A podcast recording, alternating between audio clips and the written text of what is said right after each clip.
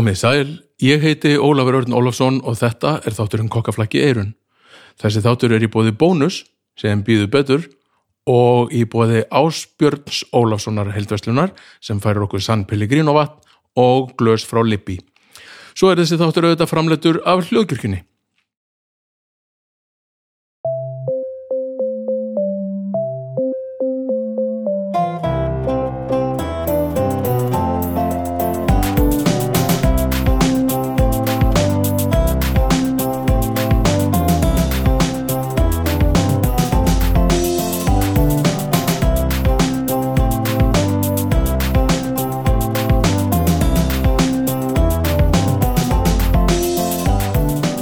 Jú, góðan dag og komið sæl eða gott kvöld, ég veit ekki hvernig er að hlusta á þetta, bara komið sæl, sennilega langbæst uh, og, og verið bara hjartanlega velkomin enn eins og í þáttinn minn kokkaflakki erun uppáhalds hlaðvarpið mitt á Íslandi.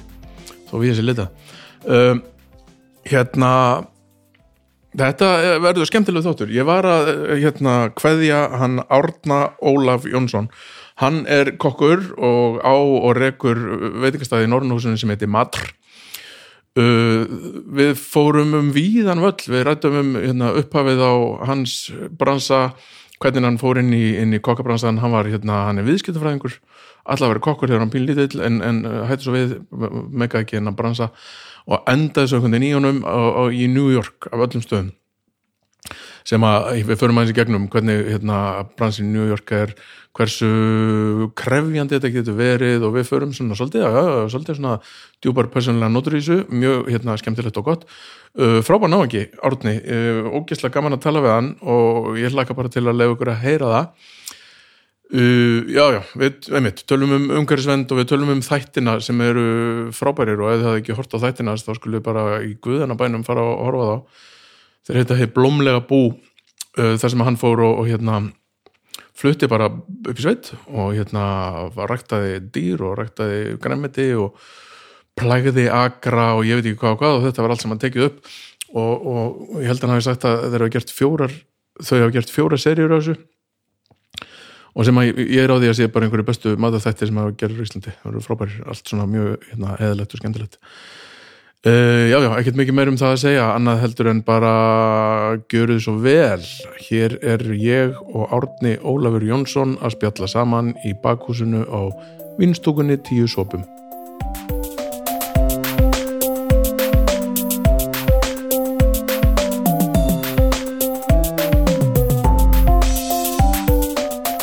Ég hef búin að íta á rekk. Alltaf Ég sko er lítið undirbúin, ég er aðeins búin að hérna svona, smá undirbúin sko, en mér langar bara að vita svolítið meira um það, því ég held að þú sést svolítið merkilega náðungi sko. Já, takk fyrir það. Og, og sko, já, þú ert búin að vera á svolítið á listanum mínum svolítið tíma sko, mm -hmm. og bara passa þetta einhvern veginn ekki alveg saman, en núna er það komið sko. Þannig að þú ert komin og velkomin, takk, takk fyrir að koma. Takk fyrir það. Uh, sko, ef ekki bara byrja einhvern veginn á byrjunni bara, fara bara já. í gegnum sko lífslöp, árna. Já, spenning hvað við, við byrjum. Uh, Erum við að tala um lífslaupið alveg við að tala um kokkarhlaupið bara, hvern, Já, ok, byrjum ég... bara hvernig fórstu þanga skilur, þú lítur einhvers staðar að hafa hérna... Þetta er mjög kræklótt leiðnefnilega. þetta er okay. ekki bein leið. Uh, ég, einhver úr þetta vegna hef ég haft á, áhuga á uh, eldamennsku bara frá því að ég var í polli, bara að byrja að baka pönningur þegar ég var átt ára og mamma leiði mig aldrei svona að hafa aldrei frjálsar hendur í eldúsinu kom heim, já, kom heim eftir skóla og mamma í skólanum, pappi í vinnunni og við bræðið fyrir bara einir heim og ég baka bara heila skúfa að skúfagöku og, og við bræðið bara borðum þetta og þetta er bara maturinn eftir skóla og, og hérna og um, og minnir, alltaf svona einhver í minningunni að þegar ég var 11 ára þá er ég búin að taka ákvörðun að vera kokkur. Okay. uh, og ég veit ekkert af hverju það er enginn í fjölskyldunum sem hefur ekki veitikastað eða verið kokkur eða komið nálægt þessum gera sko, þannig að ég veit ekkert hvað það kemur. Þetta er nefnilega sko, þetta er merkjöld, ég er búin að tala með mikið fólki í þessum þáttum og þetta er, þetta er yfir tvönnskonar annarkort er þetta einhver sem að fólk hefur bara ástriðu fyrir frá blödubarspinni eða, eða hinnhópurinn sem að dettur inn í þetta vegna þess að með lélar einhvern í skóla Ég hef nefnilega, ég hef, veist, fínir einhvern veginn grunnskóla uh, og fer í á kokkabrautuna sem var þá í FB mm -hmm. uh, áður en allt, allt kokka uh, flist yfir í MK Já. og það var kokkabraut FB og ég held ég hef verið eini nefnandin sem var þarna út af bara virkilegum áhuga já, já, já, einmitt, hinn voru þessi skussarnir sem að já, svona skussar, ekki skussar kannski aðri sem kannski vissi ekki nákvæmlega hvað það ætlaði að gera já. og voru þarna út af því uh, en ég var bara þannig að ég bara hafði rosalega áhuga á þessu þannig ég, í öllum svona kokkagreinum þá var ég bara með 9 og 10 og, og, og svo leiðis og í hinum var ég bara með svona fít 7-8 í svona bóklegu, svona vennilegu kursum. Um, og en mér grunar ég hafi, hafi verið með alltaf svona, svona barslega sína á kokkalífið og svona því ég hugsaði tilbaka þá hugsaði ég alltaf að, að ég hafi verið svona ímyndið mér svona aðtunni eldhús eins og í teiknumyndinni Ratatouille. Mm -hmm. allt svona flísalagt og koparpottar allir með rosalega ástríðu og, og svo leiðist og síðan þá í mentó eða svona í, í, í gagfræðaskóla og mentó fyrir að vinna sem uppvaskari og þjóttn og svona.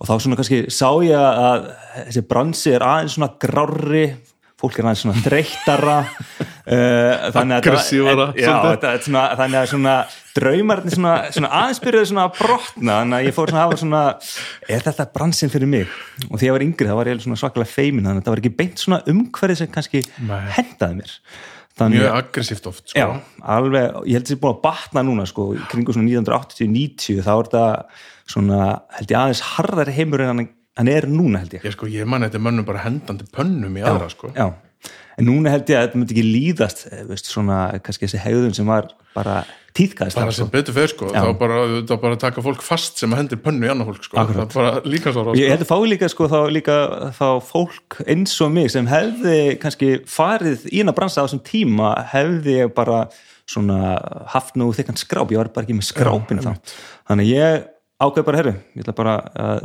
býða með kokkin, bara elda mér til ánægju og fer að gera eitthvað annað. Viss, Já, þannig að þú, þú byrjaði hérna í, í einhverju svona fornámi í FBS Tók ég það grunnnámið í FBS grunnnámið í eins og fólk fer núna í MK til Já, grunninn og fer síðan á samning.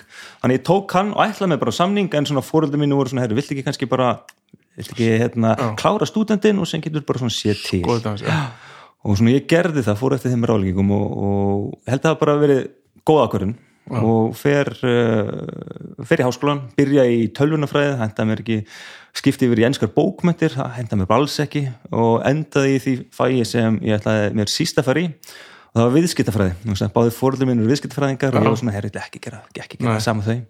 En fóðhanga, það var bara mjög fínt og eftir nám þá fór ég að vinna í banka í reikningssaldi og, og svona. Og þar áttaði mig á því að ég hafði brengan á að sitja fram að tölvu að, að hugsa um peninga þannig að, að sem kemur tíumbil það sem ég flist til bandarækina með fyrirvænandi konunum minni. Já. hún fór í doktorsnám í Flórida var það í smá tíma. Var einn áttaði mig á því bara hvað ég vildi gera. Og sem flytist við til New York. Og þá er raun og veru svona tókið stökk og sagði bara herru bara, ég ætla bara að fara í kokkin aftur. Núna er bara, ég held þessi tilbúin bara núna.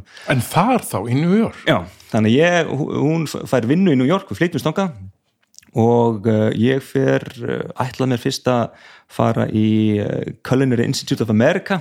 Bara lengi hafði einhvern veginn, fara á sko, tánisaldri hafði einhvern veginn hugsað með hann skóla. En þetta er meira svona, svona kannski háskóli, 18-19 ára nefndur, þannig að þetta passaði mér ekki alveg þá, ég var hann þrítur þarna. Og hann er ákvað að fara í The French Culinary Institute sem er á Broadway og Grand Street bara á Manhattan. Og skrá mig þar og í hálft ár þá ger ég bara ekkert annað en að hrærast í kokkaheimunum þar. Fór í skólan og allan daginn þar. Eftir skóla fór ég að, hérna, að elda á ABC Kitchen eh, sem er uh, rétti á Union Square og um, var að taka þátt í alls konar viðburðum af um, James Beard Foundation sem, hérna, Já, okay. sem bjóða virtustu kokkavelun í, í bandaríkjunum En hvernig er það inn í það? Er þessi, kokka... þessi, skó, þessi skóli er bara með rosalega góð sambönd Já, uh, í, í New York þannig að, að ef maður hafði áhuga á að vera sjálfbólið eitthvað staðar eða gera mm -hmm. eitthvað þá bara var þetta keipa mér inn þannig að ég, ég fekk að hérna, var þarna til dæmis að hjálpa David Chang uh, Wiley Dufresne wow. uh, alls konar svona stjórnukokkum og gaman að sjá svona persónuleikana hvað fólk er með mismyndi persónuleika þessir, þessir stjórnukokkar Magna, og talandum sko harðan bransa hérna við hefum ekki séns í New York sko. Neini, þetta er enda að þeir eru búin er búin að vera þarna í einhver tíma og, og, uh, og þarna er, þarna er svona vendi punktur eiginlega í lífunu sem leiði mig inn á sko sjónvastáttagerð og, og það að ég sé bara komin eh, hingað og í Norrannhúsi sko, vegna þess að þarna þá uh, uh, skiljum við konan. Ég flytt í eitthvað herberg eitthvað stöður á hérna, í Queens eitthvað stöður út í raskati bara. Ja. er að vinna fyrir 10 dólar á tíman í einhverju kjallarhólu eitthvað stöður og á einu tíma múti í hérna, ég fer heim í jólafríinu hitti Guðnapóla Bryndisi sem ég gerir þættina með þeir blómið að bú og þau komið þess að hugmyndu ég segi bara, hey, ég er í New York og ég ætla bara að vera þar og, og vinna í, í bransanum þar. Já, vinna mig upp, vinna mig upp og svona. En uh, síðan bara, já, skilin er þetta klukka sé tvö um nóttina og ég er í neðaralestinni í hálf tíma að komast heim. Um, og hugsa með mig bara, hvað hva er ég að gera hérna? Vist, ég er hérna að býja einhverju, hérna, smá kitru í Queens og er að þjána 10 dólar á tíman Já, ógislega þreyttur. Ógislega þreyttur og bara 14 hérna, tíma á dag, hverjum einsta degi. Já, bara svona pressa og svona og ég hugsa bara með mér, veist er, get ekki alveg eins bara skellt mér á sig sjónstættingar, ég veit ekkert út hvað ég er að fara ja. en ég er bara að prófa þetta. Ég get ekki tapa neina En varstu lengi í New York í þessu græntið? Uh, nei, ég var svona sko, þetta var ég held að ástæðan fyrir, ég tók ákvörðan að fara í sjónstættingarna var bara, þetta var svona vendipunktur uh, erfiðu tími það sem ég var að klást við þunglind og alls konar og þetta var bara eitthvað svona, þarna var ég kannski búin að ná svona ákvörðum botni og og þetta var eitthvað svona, nú er bara tímið til þess að breyta bara algjörlega til. Finna botnin og spilna sér frá hann og já, bara koma sér, koma sér börtu og það bara enda með því að í mæ 2012 að þá er ég bara fluttur upp í Árdal í Borgafriði farin að búa með hjónum og einsáskomlu sinniðra farin að búið til sjónvastætti með engan penning og uh, svona ólesa hugmynd hvað ætlum að gera. Fjölskyldan vissi ekki hvað við erum að fara að gera fólki í borgarferði vissi ekki hvað við erum að fara að gera uh, ég verð ekki viss hvort sjómastöðunar vissi hvað við erum að gera. Nei. ætlum fyrst að selja þetta á, á rúf en hérna, sem voru alls konar flækjur og, og dót. Þannig ég hálft á frá mæ til svona desember þá vorum við ekki með neinar tekjur bara, vorum bara að mynda og klippa og, og gera tilraunir og, og sjá hvað við ætlum að gera og sen í desember þá kaupir stöð tvö uh, réttina sjómastöðunum og við byrjum að sína þarna í með minnir uh, já, mitt hérna, ár 2013 Sko, ok, tökum þetta næst betur á þér, bökum aðeins smá já. Hvað er þetta langur skóli? Þessi, hérna? Já, þetta er, þetta er sex mánuðir sem þetta er bara algjörlega intensíft, það er ekkert að vera að fara í Það sem í, þú bara mætir á hverjum degi Bara mætir á hverjum degi uh, það er hérna, frí um helgar uh, og skólinn var með sitt eigi, eld, sin eigin veitingastaf þannig hluti var, af náminu var að vinna á veitingastað bara eitna, þannig lagað og, og... Já þannig að það bæði verklegt og bóklegt í, í Já það, það var aðalega verklegt þú áttu bara að sjá um bóklegt hlutan heima þér. Bara þeir ætlaði ekki að fara eitthvað að sitja við þér og fara að lesa upp okkur um glærum. Nei, þannig að þú mætti bara í, í eldúsið þetta eru að fara að elda og svo var bara eldað já. þannig að maður eldaði bara já, í þessum skóla í sex mánuði og, uh, og fekk all, öll þessi sambönd að geta hitt allars að kokka í New York og, mm -hmm. og fengið öll þessi tækifærið þetta Og varstu, þú varst, sagði James Beard varst mm -hmm. og vinna með, hvað varst að gera með eins og David Chang og, og ja, það, var dæmis, það var til dæmis um, uh, svona uh, góðgerðar málsverður sem uh, hann Dave Arnold sem hérna hann uh, ég veit ekki hvort barinn er ennþá til, þetta er Booker and Dax sem hann er með, hann skrifaði bókinu Liquid Intelligence mm -hmm. og hann var svona höfuðið uh, á svona, svona molecular gastronomy í, í skólanum. Svona, hann var svona, okay, svona vildi vísindamæðurinn eins og Wiley Dufresne já, já, og þeir, þeir vinna mjög mikið saman. Hann, hann þekkir vel Wiley Dufresne og David Chang og alla þessa kokka. Og hann var með svona góðgerðar málsverð til þess að sapna peningum fyrir uh, Museum of Food and Drink Sist, hann stofnaði uh, sapn um bara mat og drikk og Er það Manhattan? Það, það er Manhattan, já Ok, ég hef aldrei hert það. Er svona tiltölan ég, þetta er kannski fimm ára gamalt, það, það var ekki búið að opna þegar ég eh, fer frá New York aðna 2010 oh. um, en um, já þannig að það var svona málsörður þannig að maður fekk að upplifa það að sjá hvernig þessir, þessir, þessir kokkanir, svo David Chang frekar svona stressaður að öskra á alla, á meðan Wild Freyne pollróljur Sulturslagur Já, Já. Ég, ég, sko, ég er með, með pínur nefndur upp sögu sko, líka með hérna með David Chang. Mm -hmm. ég fór eins og hérna ég fór ekki eins og ég fór tvissar á hérna svona ráðstafnu, eða málþing sem heitir Mad Symposium mm -hmm. í mhm. Köpnar og fyrsta skiptin ég fór þá var gerð svona breyting á því og yfirskriftin á því var hérna Tomorrow's Kitchen.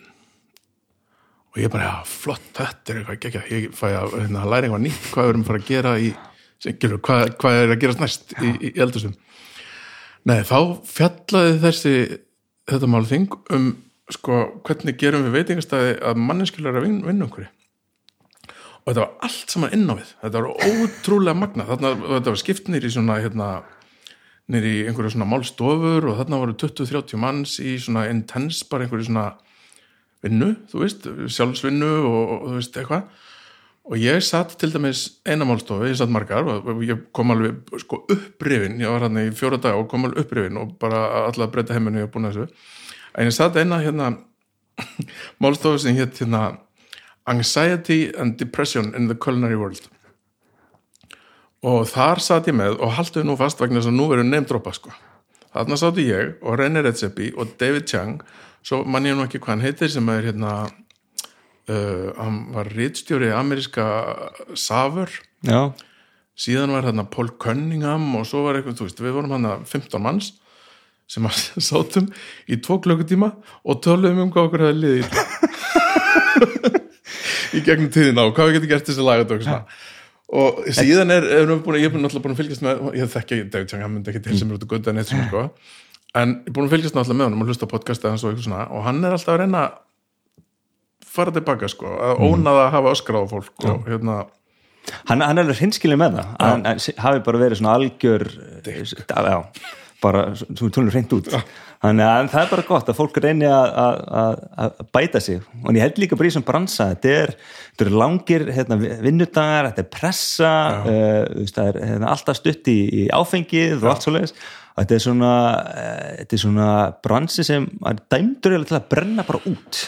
Já, enda er, fólk, passa, er fólk að brenna út mjög rætt sko. og þetta er, veist, þetta er einhvað sem við þurfum bara að laga finnst mér, mm -hmm. í þessum bransa. Við, það er fáranlegt að sé veist, ég er rúmlega 50 ég er alveg risaðileg þessum bransa sko, af því að ég, mér finnst þetta ógísla skemmtilegt og ég vil mm -hmm. halda áfram að gera þetta. Mm -hmm.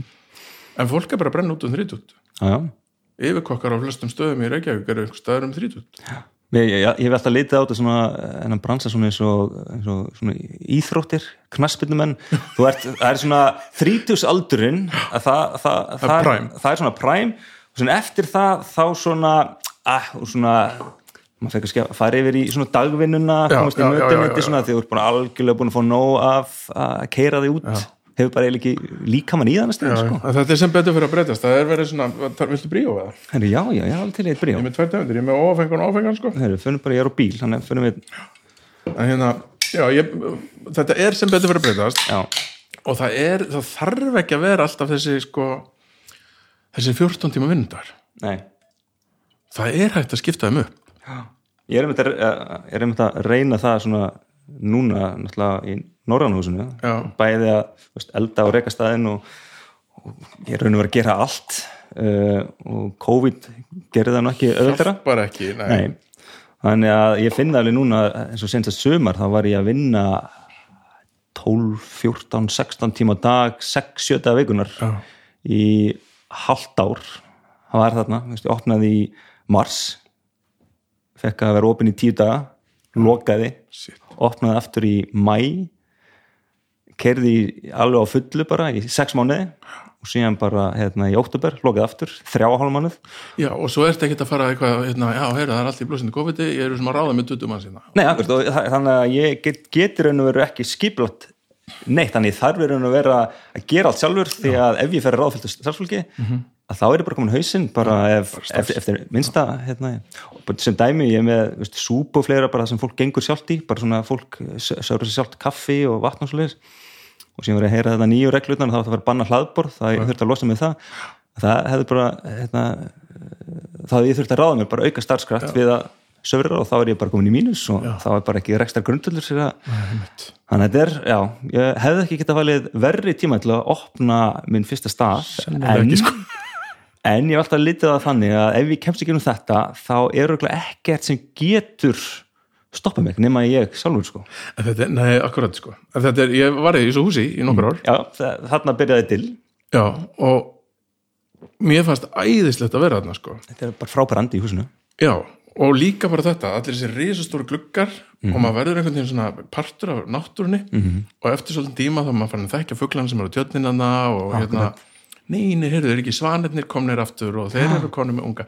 Og þetta er skrítið, maður er inn í miðri inn í miðri borg, en samt að maður er einhvern veginn út í, í sveit sko. Já, þetta er, þetta er, þetta er náttúrulega bara luxus aðstæða að vera með þetta rými með bara besta útsinni þarna í, í bænum og, og er í eldhúsi sem er glugga, veist, maður sé, horfur á perluna og Já. bara labor út í sal og eins og segir Við setjum eitthvað einhverju gróður hérna, einhverju, erstu með svolítið Já, gróðkassana Þeir, Sko ég held að allt sem þið settuð upp á sín tíma er ennþá þarna. Ok, frábært. Þannig að eldhúsið, alla, alla grænu sem við setjum upp er ennþá þarna. Ég er að nota, og það er svona var konseptið mitt svona til að byrja með eða er ennþá að það var svona að nýta allt saman uh, og uh, svona vera ekki að eigða uh, svona, já, svona rustlaust þó að það hafi ekki verið algjörlega gengið hjá mér en, en, hérna, en til dæmis er ég að nýta diskana sem þið hérna, notaðu sín tíma á til og hér notaðu diska frá Sveini sem hann var með allt á bistró þannig ég fóri bara gegnum allt Norrannhúsið og, og bara týndi upp. allt sem hætti að vera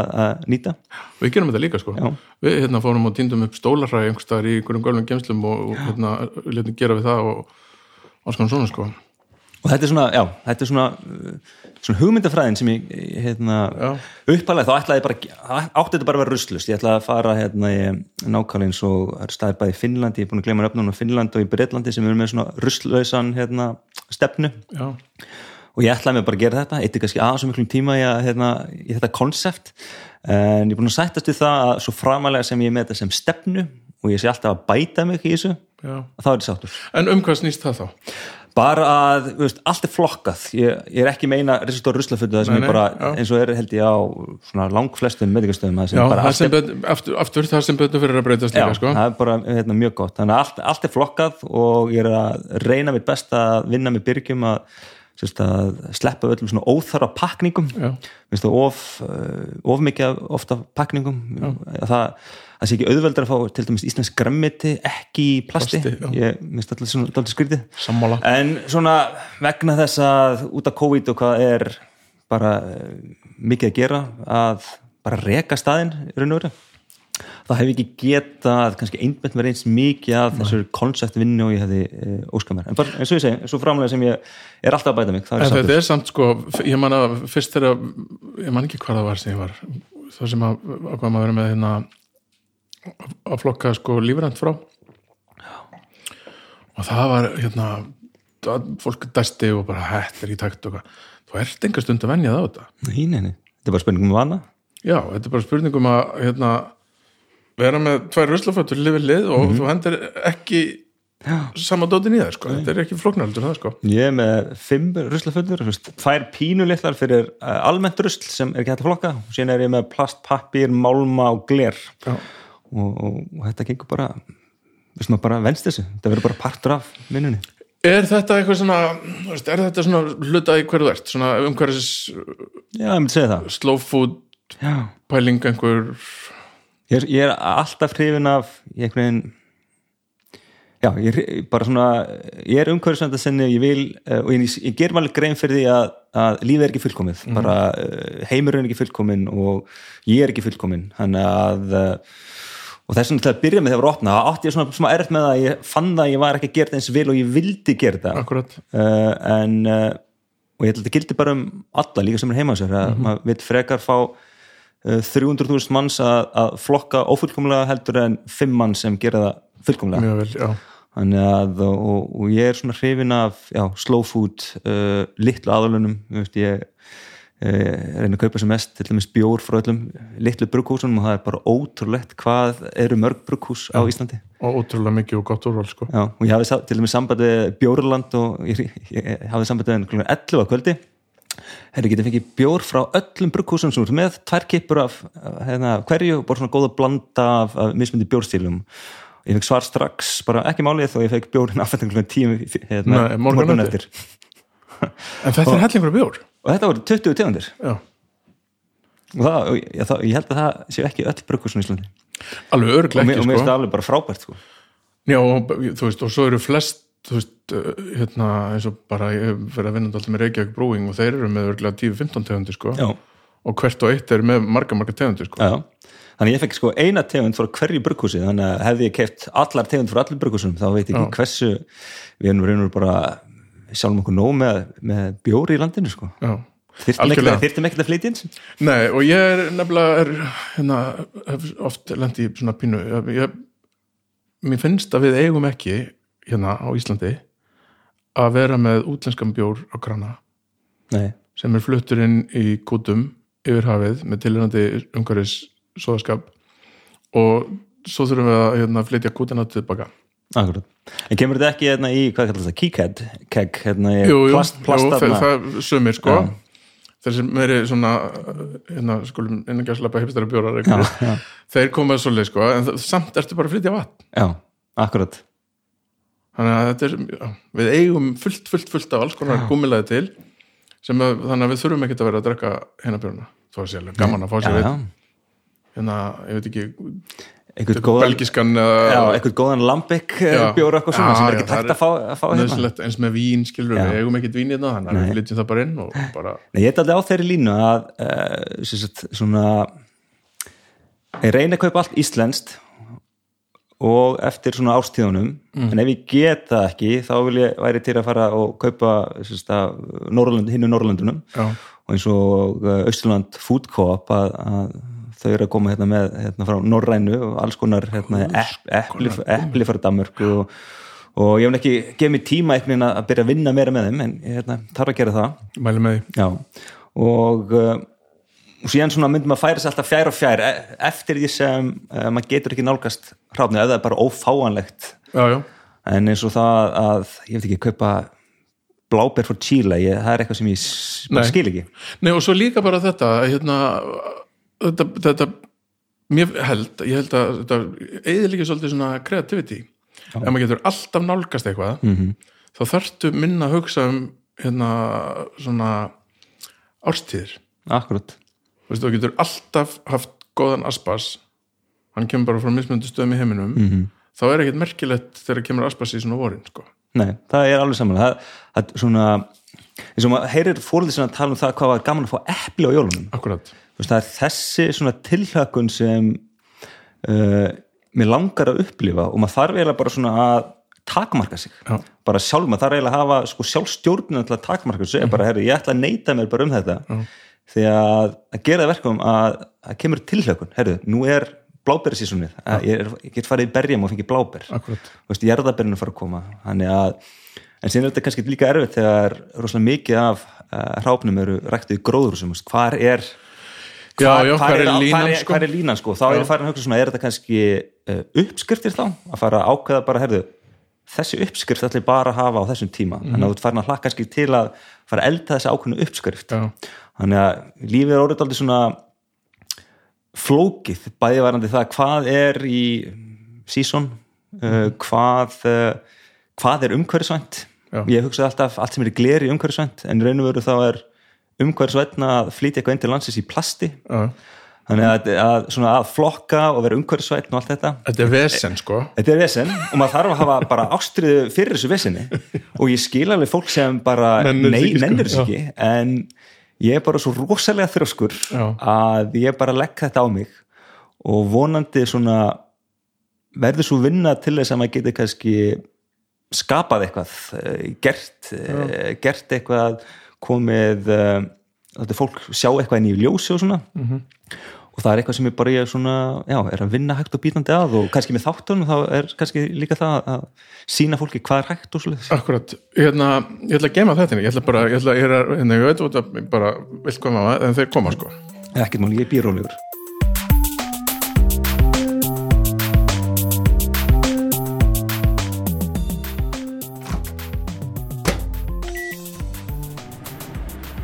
Já, já, þessi þáttur er í boði Ásbjörns Ólafssonar heildveslunar sem er líka með vestlun reyndar í, hérna á Köllumklettvegi þar sem að fólk getur komið og kæft alls konar. Uh, það sem er hægt að kaupa þar er til dæmis uh, hérna glös frá Lippi sem að ég hef notað mjög mjög mikið í, í gegnum þína, þetta eru hérna, sterk og falleg glös, gott að nota undir alls konar kottila og, og ég veit ekki hvað hvað. Uh, það er að skoða þetta á, á heimasíðu Áspjörn Olssonar, það sem er lekkur yfir á hérna, síðu Libby uh, Libbey held ég að þetta sé sagt örgla, ég sé alltaf Libby, ég hef bara afsökunar ef það er vilt sagt. Góð glös sem ég gæti eitthvað til að kíkja á, sterk. Þau eru aðalega finnst mér gaman hvað þau eru sterk og falleg. Uh, Áspiln Ólarsson flyttur líka inn hérna gósvatn frá San Pellegrino sem að mörgum er talið vera besta ölgelduvatn í heiminum og það er ímest selt í svona hérna flöskum. Uh, bara með engum, engu hérna viðbættu bræði og svo er það líka selt í dósum sem er bræðbætt með ferskum safa og er ógislega gott og friskandi og fæst bara í mörgum búðum sko. Nú svo er þessi þáttur líka í bóði bónus. Og bónus er bara eitthvað sem við þekkjum öll og við höfum öll okkar uppbóðsbónusveslun mín uppbóðsbónusveslun er í hérna, er í skipholtinu og það er nú kannski vegna þess að hún er bara næst heimili mínu.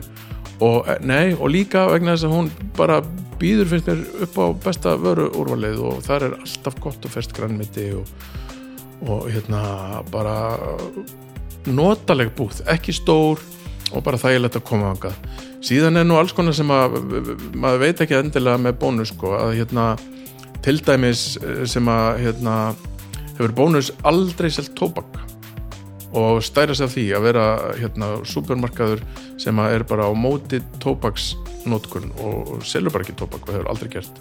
Og bónus er líka sem að ég vissi ekki fyrir en ég fór eitthvað að skoða það með mjög uh, ríka umhverfisstefnu og hefur alltaf verið. Fyrsta búðin til dæmis fyrsta svona vestlunum keðjan sem að hætti að nota nota plastpoka. Og umbúða hérna svo leiðis hérna kíkjað á það það er hægt að sjá umhverfisstefnu bónus og heimasíðu bónus Já, við erum sem sagt í bóði Áspjöts Ólafssonar og bónus og þá höldum við áfram með viðtalið Hvaða hérna þú tókst við þessari í massi fyrra mm -hmm. í mhm. Norrnósinu mm -hmm. Ertu með svona lift-up-pits á staðin? Hérna Ég vildi ég væri með það, ég, ég er, er ennþá ákvæðið með hvað það er, því að ég, til að byrja með að jú, ég get alveg sagt að ég kannski búin að, ég komi kannski í ring Já. að áður en þið byrjuðu með dill, mm -hmm. að þá var svona, svona mötuneytis kaffihúsastemning aðna og ykkar konsept á náttúrulega alveg fæn, skjön. fæn, fæn, já, alveg skjön. Já, maður alltaf eftir að konan sem var með mötuneytis kaffeterjun undan okkur við vorum að það og vorum að hérna helsa upp alla og svo sá hann hérna hvað er það að gera? Já, við ætlum að vera svona svona heins það var eitt þið verðið að hafa brokkolibökun í hátteginu sko. þið getið ekkert opna hérna með brokkolibökun í hátteginu sko. fólk bara vandi í tíu ár og var, var brokkolibökun í hátteginu? aldrei og, og gegn vilja sko. já Það, veist, og ykkar koncept, það var, bara, það var þannig koncept. Eh, Sveitn, allt á bistró með hérna, sitt koncept og ég svona vissi að veist, ég opnað fyrsta staði minn og, svona, og uh, ég vissi svona að að starfsmannakostnar hérna í Íslandi er alveg svakalega hár. Með til dæmis ég var að vinna í Hollandi og í, í New York þá er starfsmannakostnar miklu lægri. Já. og um, þannig ég var búin svona ákveða herðu, þetta verður aldrei svona fólk svona sér um sig sjálft þannig að fólk geti, ég verð kannski með tvoi vinnu eitt sem gerur ógslagt kaffi og eitt sem er bara rosalega góður eldusinu og ég er svona tekið ekki á milli. Mm -hmm. og uh, og það var svona konseptið og ætti að leta fólk bara svona sjá um sig alltaf sjálft uh, og er það eiginlega komið alltaf svona ring komið kannski aftur í hérna, í kafeterjuna uh, með samt, samt svona aðeins kannski fítni matheltunni það ja, á sín tíma en uh, síðan kom COVID og þá ekkert neginn þurfti að, að hætta með það allt saman þurfti mm -hmm. raun og veru bara tekjum mínar uh, örðu lægri og kostnaðan minn herri Já. og sem vann ég bara baki brotnu við bara haldið svo gangandi þannig ég er núna svona eh, rétt aftur að reyna að finna rithman, hvað virkar og virkar ekki Já.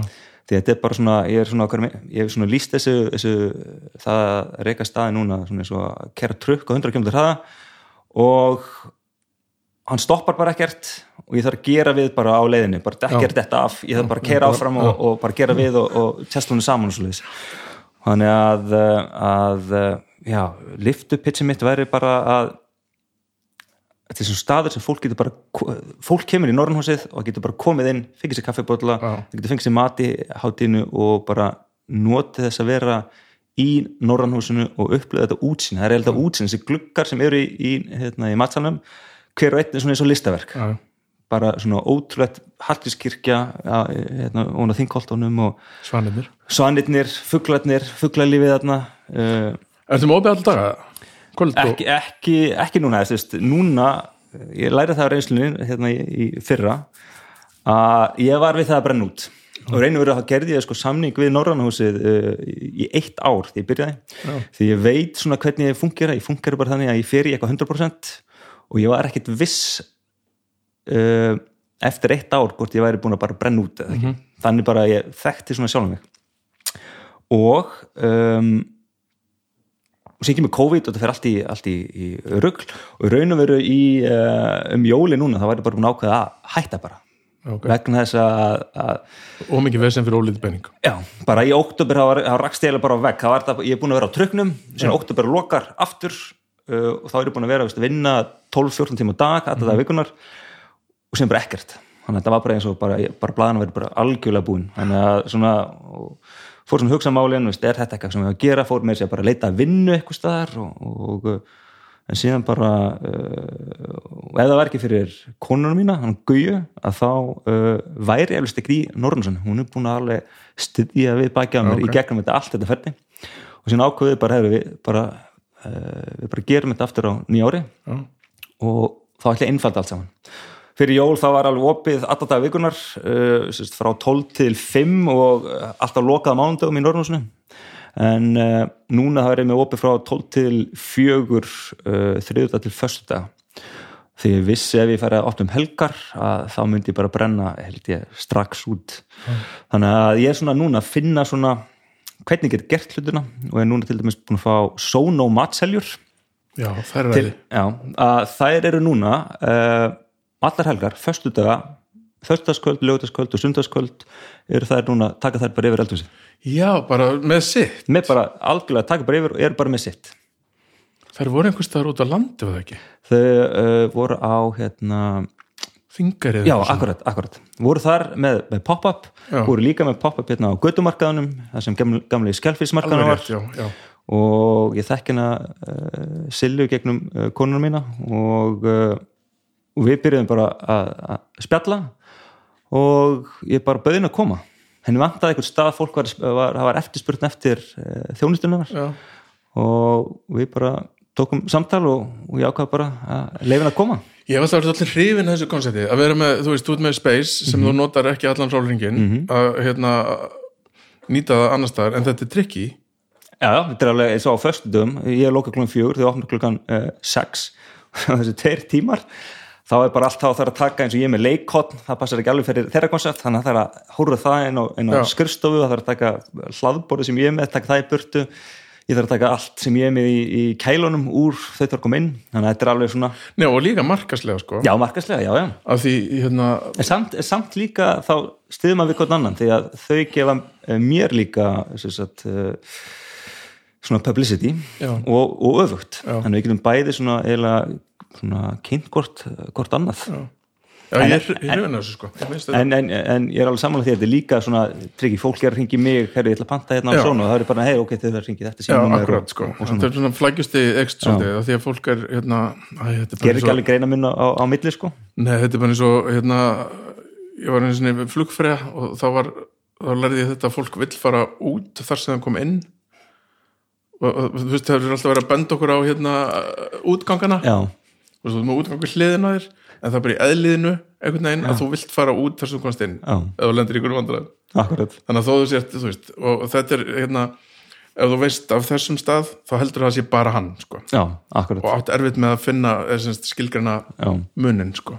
En það er eitthvað sem ég hef líka daldið áhuga á því ég sé Norrannhúsi sem svona ég sé, ég sé þetta rými á þetta eldus ekkert endilega eitthvað svona að þetta sé mitt. Nei vegna þess að veist, eh, veist, eh, græðunar er alltaf frá dill, diskar frá dill og þessu og, eh, og ég sé þetta alveg fyrir mér það sem ég langar að vinna að þetta verði verði þetta eins og James Beard Foundation er í, í New York ah. þar er sem sagt uh, James Beard House mm -hmm. sem hann, og þessum þekki James Beard hann var svona, hann reyndi svona fóstra ameríska matarmenningu mm -hmm. og þá eru ekki að tala um McDonalds og allt þetta hann var virkilega svona þessar uh, kjarn amerísku uppskriftir og, og, og staði og, og mat og uh, hús þans var bara breytt í svona samkóma hús og uh, með minna sem um hverja helgi að það er bara svona uh, góðgjörar kvöldvarið þannig sem nýr kokkur kemur alltaf inn Já.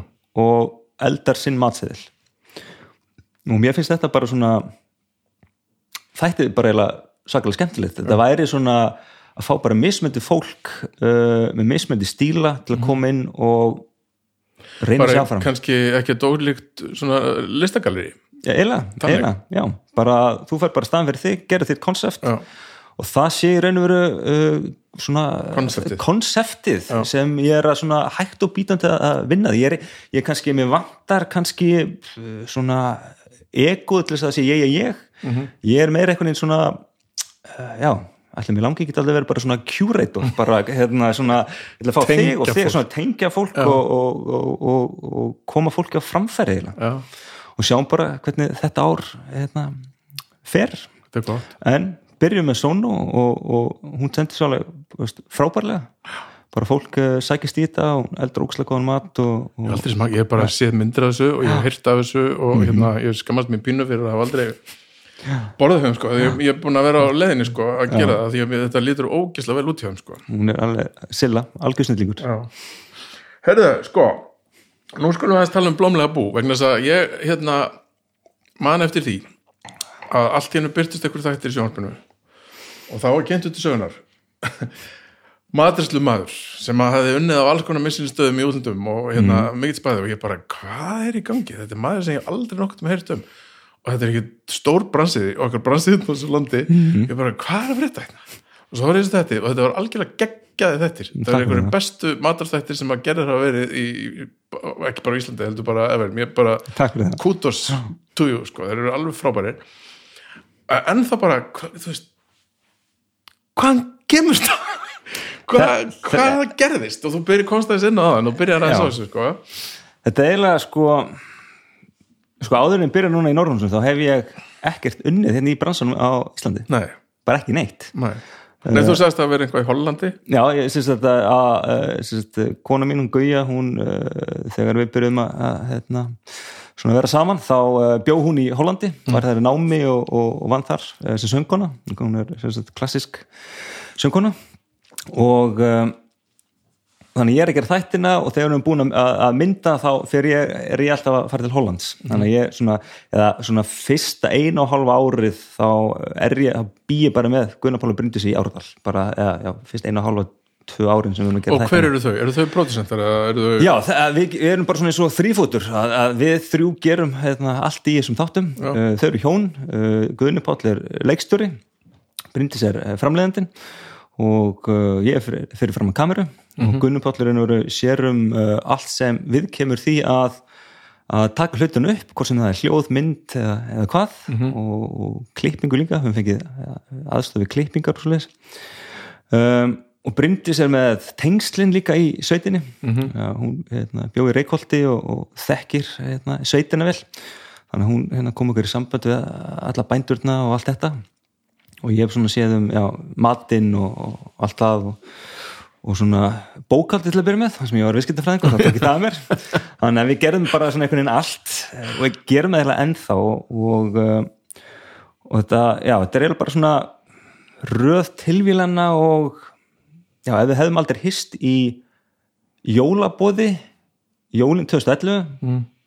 Það sem ég, svona, ég er á leiðin út úr partíinu sé, sé þau, þekki þau, ég er einhver ekki það mikið kannast við þau, segi bara halló og við ákveðum að þau bjóða mér í mat uh, tveimur dögum áðurinn fyrir aftur út, út til New York og þá komaði með þessu hugmynd og hefði það ekkert gerst þá, þá væri ég ekkert að, hefði aldrei gert þess að þætti sko.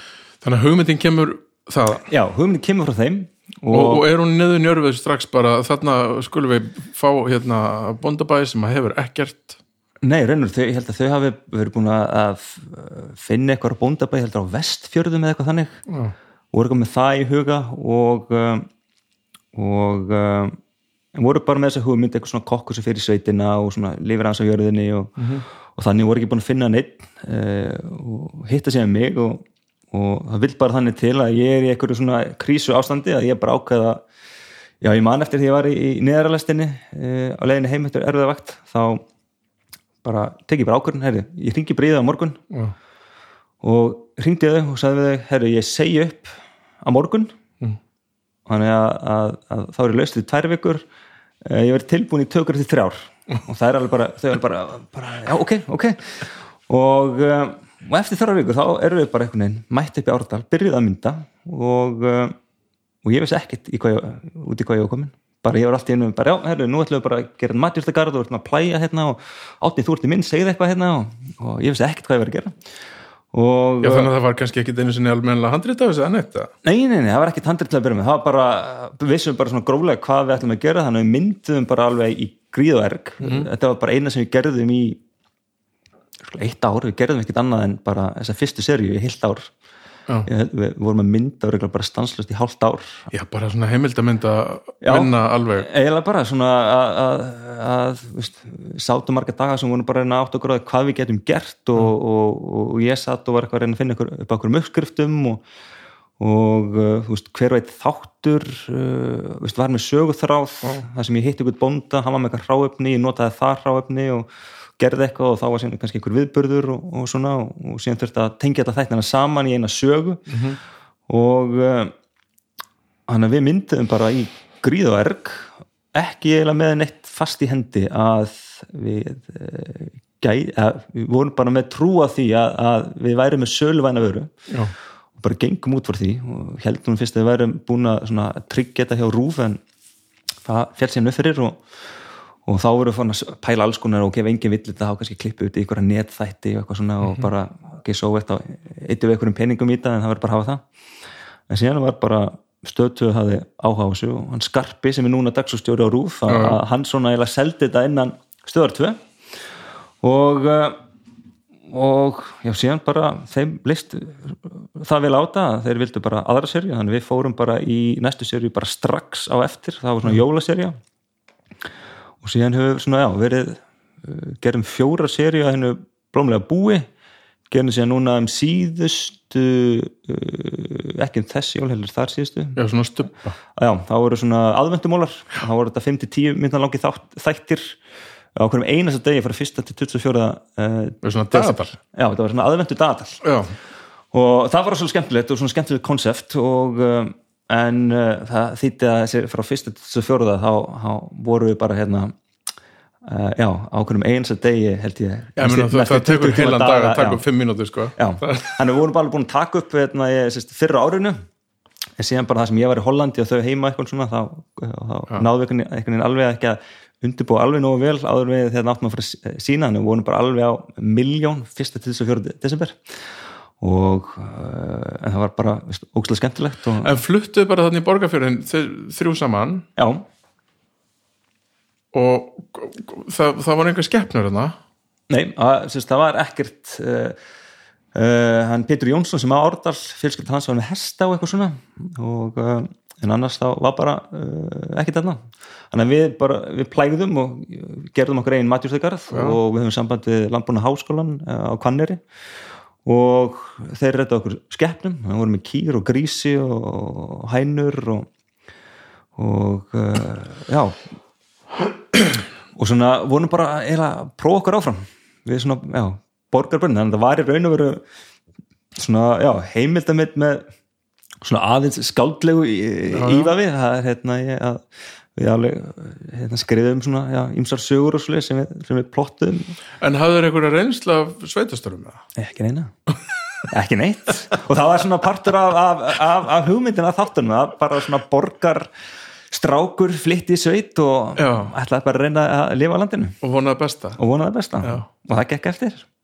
Þannig að það bara þannig að það svona já, bara ég gladur það bara, þetta virkaði. Já það virkaði mjög vel sko. Nei, og, og líka það, það er annað sko sem að þið gerðu sem að ég er, er, er, er nein, ég veist þess að ég alltaf endur taka mig að tala um það áður að hérna uh, við erum alltaf fjarlægast svo mikið því að kjötuð okkar kom af skeppnum já, það er eitt sem þið gerði þessum þáttum mm -hmm. það var bara var hérna, nú erum við búin að rækta þennan grís, nú hann hann hann feitu svíni mm -hmm. svo verður hann bara beikoni já Við ætlum að ganga leng lengur sko. við, ætlum, við ætlum sko að sína uh, til dæmis uh, sláturina sjálfa Já. og ég manna vel að í fyrstu seríunni þá, þá er uh, sena þar þar sem við erum að slátra kind Já. og lömpum og við ætlum að sína hugsun okkar að þetta væri fólk á 30, 40, 50 aldrei að horfa á þetta Já. og við ætlum bara að sína ok, bara svona er þetta mm -hmm hérna, þetta er ringgrás lífsins. Þetta er ringgrásinn, bara þetta er slatun og ef þú eiginlega, svona hugsunum mín og er ennþá eiginlega að ef þú getur ekki sætti við eða hort upp á þetta mm -hmm.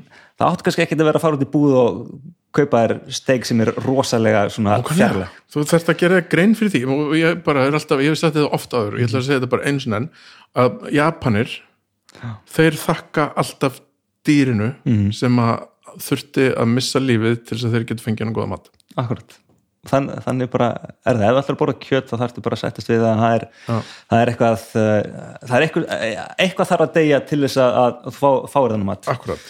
en málið var síðan þættina að við, þegar við fórum að klippa þáttinn að þá fáum við fregnari því að börn hafa rosalega gaman af þættinum. Já. og þá erum við svona, æja, heyrðu við finnum kannski ekki að, að sína allt hvernig þarna. Nei, þannig að, ég held bara svona, svona rétt á hann við sínum þáttin þá hérna, ákveðu bara að klippa þar sem kindabissan er munduð Já. og sen klift fullan fólki getur ímæntið sér hvað gerðist börnin kannski ekki eins, ekki eins mikið Nei, nei, kannski á þeirra að vera hérna. Já, en ég hef ennþá bara áhugað þessu að reyna að, gera eitthvað svona það sem er bara allt er sínt frá bara mm -hmm. aðtilu þetta er líka bara fróðlegt fyrir fólk að sjá og líka bara fyrir kokka. Eins og ég verði alveg til að sjá bara hvernig dýri er slátar bara á mannúlegan, eins mannúlega hátt á möguleg, það er kannski erfitt að segja eitthvað sé mannúlegt að drepa eitthvað dýr en að þetta gera þá eins góðan máta og mögulegt er. Akkurat, já, ég er, ég er 100% samanlega mm. sko. og þetta er, þetta er trikki sko, þetta er ekkert þú, hérna þú fer ekkert og drepa dýr með kvöldu blóði sko. Nei allavega ekki, vonandi ekki flestir. Nei, nei, ég held engin ég held engin sko. Nei, það, þetta fannst mér nefnilega svo fallet og svo gott og svo bara allt í einu ertu komið með hérna, úr þessum grís sem þú knúsaðir sem var bínlitill mm. ertu komið bara rosalega feina rekta svína síðan bara rosa vind og gerðu það allt á staðinum var ekkert, var engar shortcut og, og hérna, hvað heitir hérna einhver einhver svona töfra sjómasins já. Uh, örglega einhverjum tilfellum þetta er mjög, mjög merkilegt að þegar við erum að, að gera þetta rétt eftir að við erum búin að klippa þetta þá get ég ekki að horta á þetta því að horta þættina eða aftur þá erum við búin að setja yfir því marga klukkutíma ja, ja. og um, þá er allt orðið svona allt ofi fesku minni þannig að maður er alltaf svona að ég hef ekki gert þetta betur, þetta getur betur mm -hmm. þannig að núna get ég horta svona eins og almennur áhröndi því ég er búin að gleima hvað við gerðum, meira að segja þessu movie magic sem við gerðum eitthvað tíma þegar ég er búin að gleyma þeim. En, en ég man ekki eftir neinu að, tilvikið sem uh, við notum eitthvað svona fóruð ekkert út að búið að kæfti beikon nei, nei, nei, nei. við bara við, hérna, fengum bara hérna, beikonið okkar grís. Letum bara slátra og fengum, já, vonandi saman grísin tilbaka. Já, já. en hérna, já. Þannig að það bara voru líka með uh, já, fólald fólald nei, kálf sem við litum hérna, slátur alls og liðs þannig að við bara fengum alltaf allt kjötið tilbaka og, og græmitið allt rægt að í gardinum mm -hmm. ég man eftir einhvern þetta einhver, hérna... svona flest, það var eitthvað starf það sem hérna, hérna við erum einhvern vetraserjum það sem við hérna, notum, Já, notum það, var, sko. það var líka eitthvað svo fint og skemmtilegt fannst mér sko að það var alveg ströggl sko. Það var ekki hérna nótlið setja niður hérna fræ og svo fæði bara hérna risastórt tilbúi græmmet eftir einhvern tíma. Sérstaklega ekki ártála sem er bara rókraska döðan sko. já, þetta, þetta var nefnilega svo heiðalegt eitthvað, ég var mm -hmm. svo ógislega námið og gera meira þessu ég vona það, núna tekur Norrannhúsin bara meira en allan tíma minn. Já, já, að, en við erum alltaf að, að spjalla saman svona hvað við getum gert. Já. og vonandi eitthvað í, í framtíðinni þegar ég er búin að koma kannski hérna matur sem hérna í kaffihúsið að veitikastafrin heitir þetta í Norrunusinu að mat, mat, Möndr Já, þetta er M-A-T-R þetta já. er svona forn íslensku réttáttur á já. orðinu matur. Já, já sleppi bara auðinu þannig að matur. Og veitna, þeir eru búin að koma því á svona kannski eitthvað ról, þá kannski finn ég eitthvað tíma til að aðeins að kókla mig út og, og gera mér sjónvarf það er alveg skemmt ég er svona, og þá kannski ástæðan fyrir að ég var ekki að viss hvort ég myndi meika eitt ár að, reyka þetta. Þar sem ég er, ég er alveg duglegur í svona skorpuvinu eins og mm -hmm. þættinir eru. Þar sem ég er bara alveg frá mótnum til kvöls uh, í marga daga og kannski í mánuði og, og, og sínir bara hlýja og ger ekkert í svolítið tíma. Og ger ekkert bara, Já. bara aðeins að sleppa af.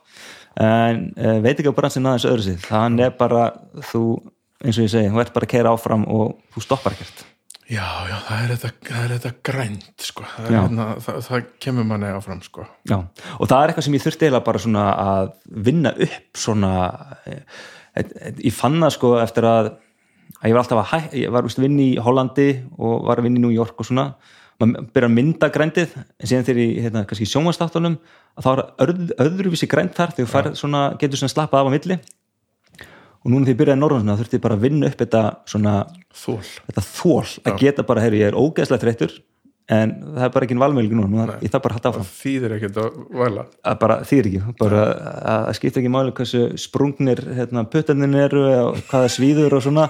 Bara þarft að hatta áfram svona. Hvað verður mikið hælsari og... hvað er ít í bækinu og, og allt þetta bara en þetta er eitthvað sem að það er að, að passa sig, en þetta er líka kannski rekstra umhverfið á Ísland er uh, svo rosalega skrítið að, að svona, veist, leiga hjá stöðum. Og ég er heppin að vera í Norrannhúsinu ég hef rosalega góðu samstarfið þau. En ég get ekki ímynda mér til dæmis staði sem opna á samme tíma og ég en voru að leia fyrir mm. einhverja mörg hundru þúsund miljónir á, á, á, á mánuði. Já, já. og uh, og svona rekstur umhverju veitingastæði er ekkert, þetta er ekkert öfundsvert Nei, nei, ég er svo sem ekkert það er ekkert einstami hér sko. Og, og í rauninni má segja að eftir þetta COVID-ár sko, þá stöndum við á Íslandi miklu, miklu betur heldur en flestum öðrum löndum já, sem við fylgst með sko. tala ekki um að fyrir að skoða Ameríku þar sem allt er bara í, í, í hérna, hersöndum mm. og veist, þannig að við þú veist, jú, jú, flestir veist, þeir sem að gáta ekki verið með opið mm -hmm fengu styrki til þess að hérna, halda svona allavega kennetölunni levandi sko. Akkurat. En svo þú veist þekkjum að til og er, ég les mikið svona ameríska matarpressu. Mm -hmm. og það er stærsta máli sem er í rauninni fárunlegt að ræti ekki í fjölmjöla hér er, er hérna, þessir að starfsfólkið er meira og minna allt saman að vinna lámaslunum eða tipsi. Já, nema kokkarnir. Nema kokkarnir, já, já kokkan er fá bara lámaslun nema vinnir upp í að vera aðstofar yfir kokkur eða eitthvað þannig. Og þetta fólk bara á enga möguleika. Það fær ekki atvinnulegisbætur og fullt af hérna, hvað er þetta, undocumented workers Já. og eitthvað svona leiði Akkurat. sem, sem er ros, bara stór hluti af vinnuaflun í New York er bara einmitt þannig. Já. og þetta er uh, þetta er harður bransi í, í New York en það er það er hópur innan bransans þar sem er að breyta þessu að hætta þessu tipskerfi. Já, já. og það er meðal uh, Union Square hérna, sem er með Gramsci Tavern og, og, og fleiri staði. Að þeir voru nógu stórir til þess að segja bara, herru við ætlum núna bara að hætta með þetta tips, borga hærri laun og verðin á matstælunum bara, ja, bara stíl við það, sko. stíl við það. En ef þú ert lítill þá hefur ekki valmöðuleika því að einhver lítur á matstælun ég get fengið steik fyrir helmikið minna verð en, en, en þú ert með. Já. þannig að þeir gáði þetta í krafti stærðar sinnar. Ja, veist, Já, þó að þetta hafi verið erfitt og strögl fyrir, fyrir veitingastæði á Íslandi mm. þá bara sem betur fyrir voru við á Íslandi en ekki um starfnastæð sko. annars verðum við bara í Algjörlega. miklu miklu verið málum sko, sko hvað hérna Ertu, áttu fjölskyldu? Þú átt konu sem að er söngkona? Já, síðan uh, uh, og uh, já, hún er búin að vinna mikið í Hollandi, hún var með stöði í Hollandi í, í, í COVID en komst ekkit út. Og en fekk samt greitt fyrir það sem var bara mjög, mjög, mjög gott. á meðan ég var ekki með, hérna, náðu ekki að halin hérna, heila krónu, það fór oft í, í annað starfsfólk. Og ég vildi freka bara greiða starfsfólki og halda þessu á, á flóti og ég myndi bara einhvern veginn redda mér og sem betur fyrir á ég bara rosalega góða fjölskyldu sem hérna, hefur stutt mig. Og, uh, en við hefum síðan uh, þryggjára gamla són ja. þannig að það er alveg uh, þetta er alveg svona uh, daldið púsla að vera með fjölskyldu og rekastað já, já, en ég er gladur að ég er með svona eða hátegisverða stað uh, Mhm. en til dæmis í fyrra þá og þess vegna er ég ekki með opið til dæmis á kvöldin og, og, og ákvað bara hafa ekkert opið um uh, helgar hjá mér núna. Var bara svo að að ég ætti eitthvað fjölskyldulíf. Já, bara bara, bara eiga svona nokkur neginn uh, því ef ég myndi ekki gera það þá myndi ég bara brenna út og loka. Já, með þessu móti get ég haldið mér gangandi og get haldið svona uh, neistanum lifandi. Og þess vegna til dæmis fæ ég Silvi hjá Sónu Matsilum að koma, ég vil frekar þá bara að fá eitthvað sem er með sitt konsept og getur bara stað á bakvið það.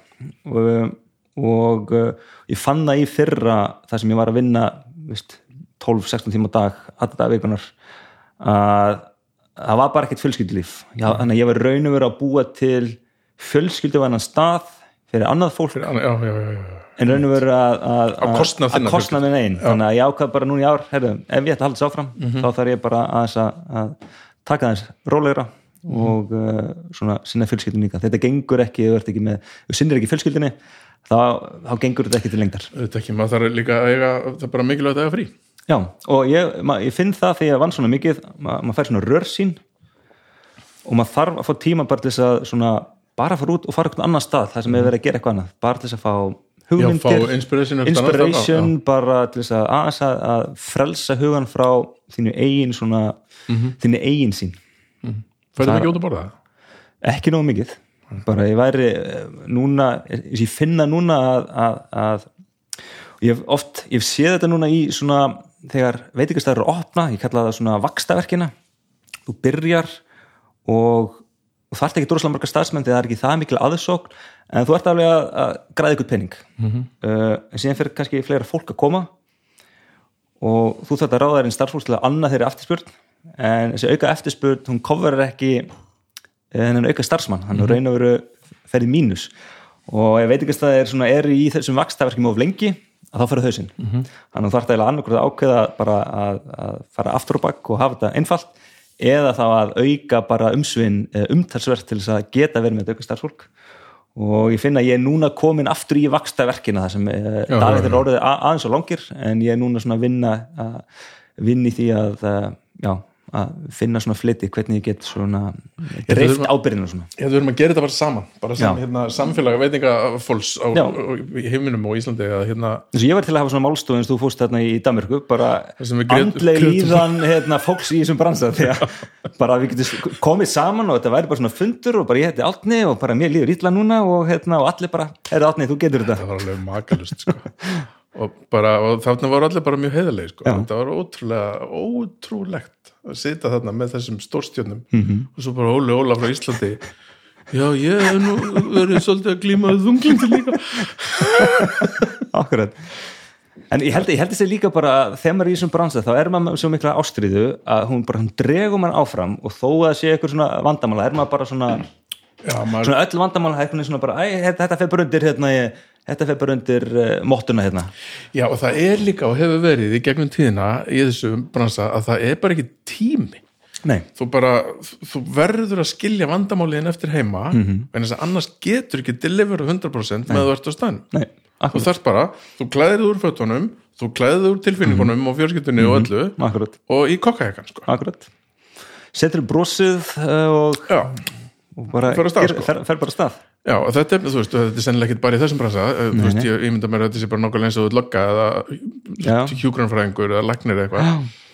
Þetta Það er bara, það er bara að fara þetta er- þetta er raun og verið þarf að vera svona tveir persónleikar þú ert fjölskyldumæðurinn já, og síðan þá ertu bara komin og ert núna kokkur og þá ertu eiginlega bara svona ferði í svona einhvern annað hugar ástand já, þetta er raun og verið bara eins og þetta er bara svona eh, þetta er svona eins og bara leikhús eða tónleikar að, að þetta er bara, ja, nú er bara það er sjó á hverju einustu kvöldi eða bara á hverju einustu einustu degi. Og þú þarf bara að það er ekki val, þú þarf bara að, að, búa þennan mat. Þannig á að vera 100%, þú Já. getur ekki klikkað. Undir pressu og uh, já, þannig þú þarf bara að setja á þennan hatt og bara gera þetta Samt, það, það, það sem ég elska að vita sko. og, og það það sem við sækjumst í sko, það er, það er pressa, þetta. sko. það er, og ég held mjög, ég hef rætt við fólk svona oft í bransanum, það er eins og við séum með svona sama hugafarið að ef það er oflítið að gera að þá koma allar þessar hugmyndir og áhyggjur ja. og allt þetta. En um leiðum maður er komin í, í pressuna þá bara svona kemur fókusin og 100%, 100% og maður bara og það finnir sko að því ég er búin að taka líka þátt, þátt í svona alþjóðlegu samstarfi bara þú veist eins og þetta, þetta, þetta. Að þetta er bara sama fólk alls þar heiminum. Mm -hmm. finnir sko. Þú þarfst að vera ákveðin til þess að þóla þetta, það er ekkit allir eins og ég á táningsárunum þess vegna á þrítusaldri eh, þá var ég ekki með þetta svona hugarfart til þess að geta nei, þetta, þetta, þetta græn til þess að geta þóla þetta allt saman. En núna er það fínt. Ja. og sérstaklega þegar að gera, gera þetta sjálfur það sem, ég, það sem ég sjálfur þarf. Ég, ég veit alveg eins og í New York að, að já við þetta vandamála ég ekkert sem er mjög mikið vandamál fyrir hérna, kokka og mjög hérna, á stað það sem mjög mikið að gera að svona upplýsingar sem ég fæ einhver segið mig að þær festast ekki droslega vel ah. þannig að þegar ég var kannski elda og það var hérna í þrásteikur þetta, þetta, þetta og þá var ég bara svona alveg guð hérna. þannig að ég, eitt, að var, var ég komið með svona, svona töflutús og var hérna að skrifa svona og kokkur, yfirkokkurinn horfði svona á mig bara þú hefur engan tíma fyrir þetta. Og ég bara svona, alltaf læg ég verð bara að reyna og spyrja oftar og var alltaf að fá sérsett eh, hérna þeir sem voru í rönnirana sem voru að hlaupa með matinn er getur þú kíkt hérna á, hérna, á, á kíkt á pöntunum á borðið 5 og... já, getur þú satt með hvað ég með marga svona? Já. þannig að þetta er svona þetta, þannig að þetta er svona já, já, alls konar bara... svona sem að það bara vinna sér í, í kringum svona. akkurat, og finna út hver, í hverjum maður er bestur já, akkurat Herru, ég held það sem búinir bara. Það er ekki vera, herru, bara takk aðeinslega fyrir að bjóða mér. Nei, takk að þér, miklu, miklu meira fyrir að koma.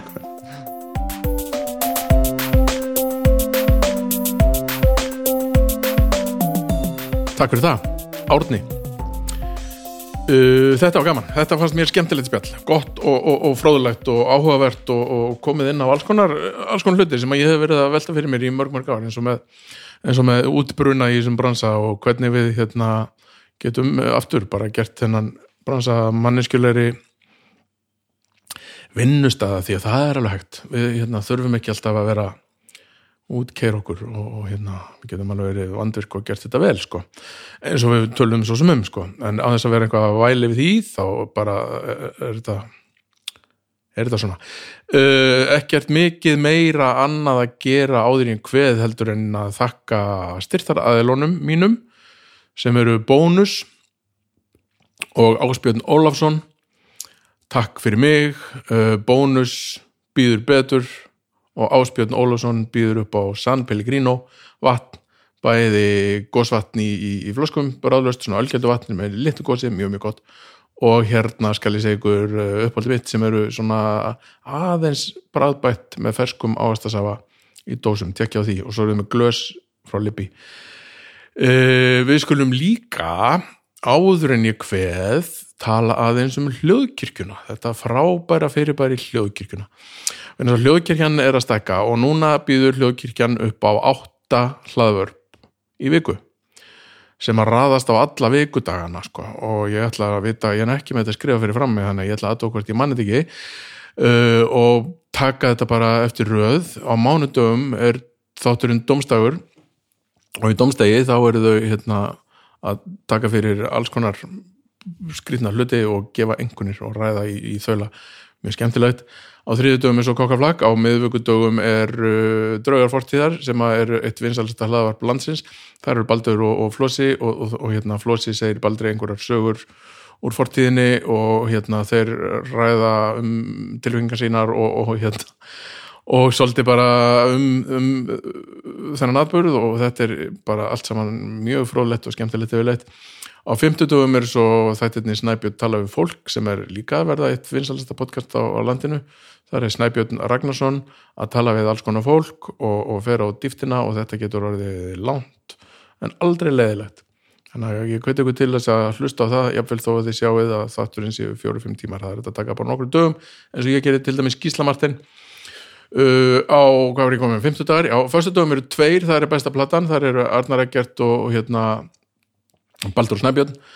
Þeir finna einhverja blötu hjá einhverju listamanni og ræða hana í þaula og, og hvort að það er besta plata listamannsins uh, þeir eru ekki alltaf samála það, mjög skemmtilegt.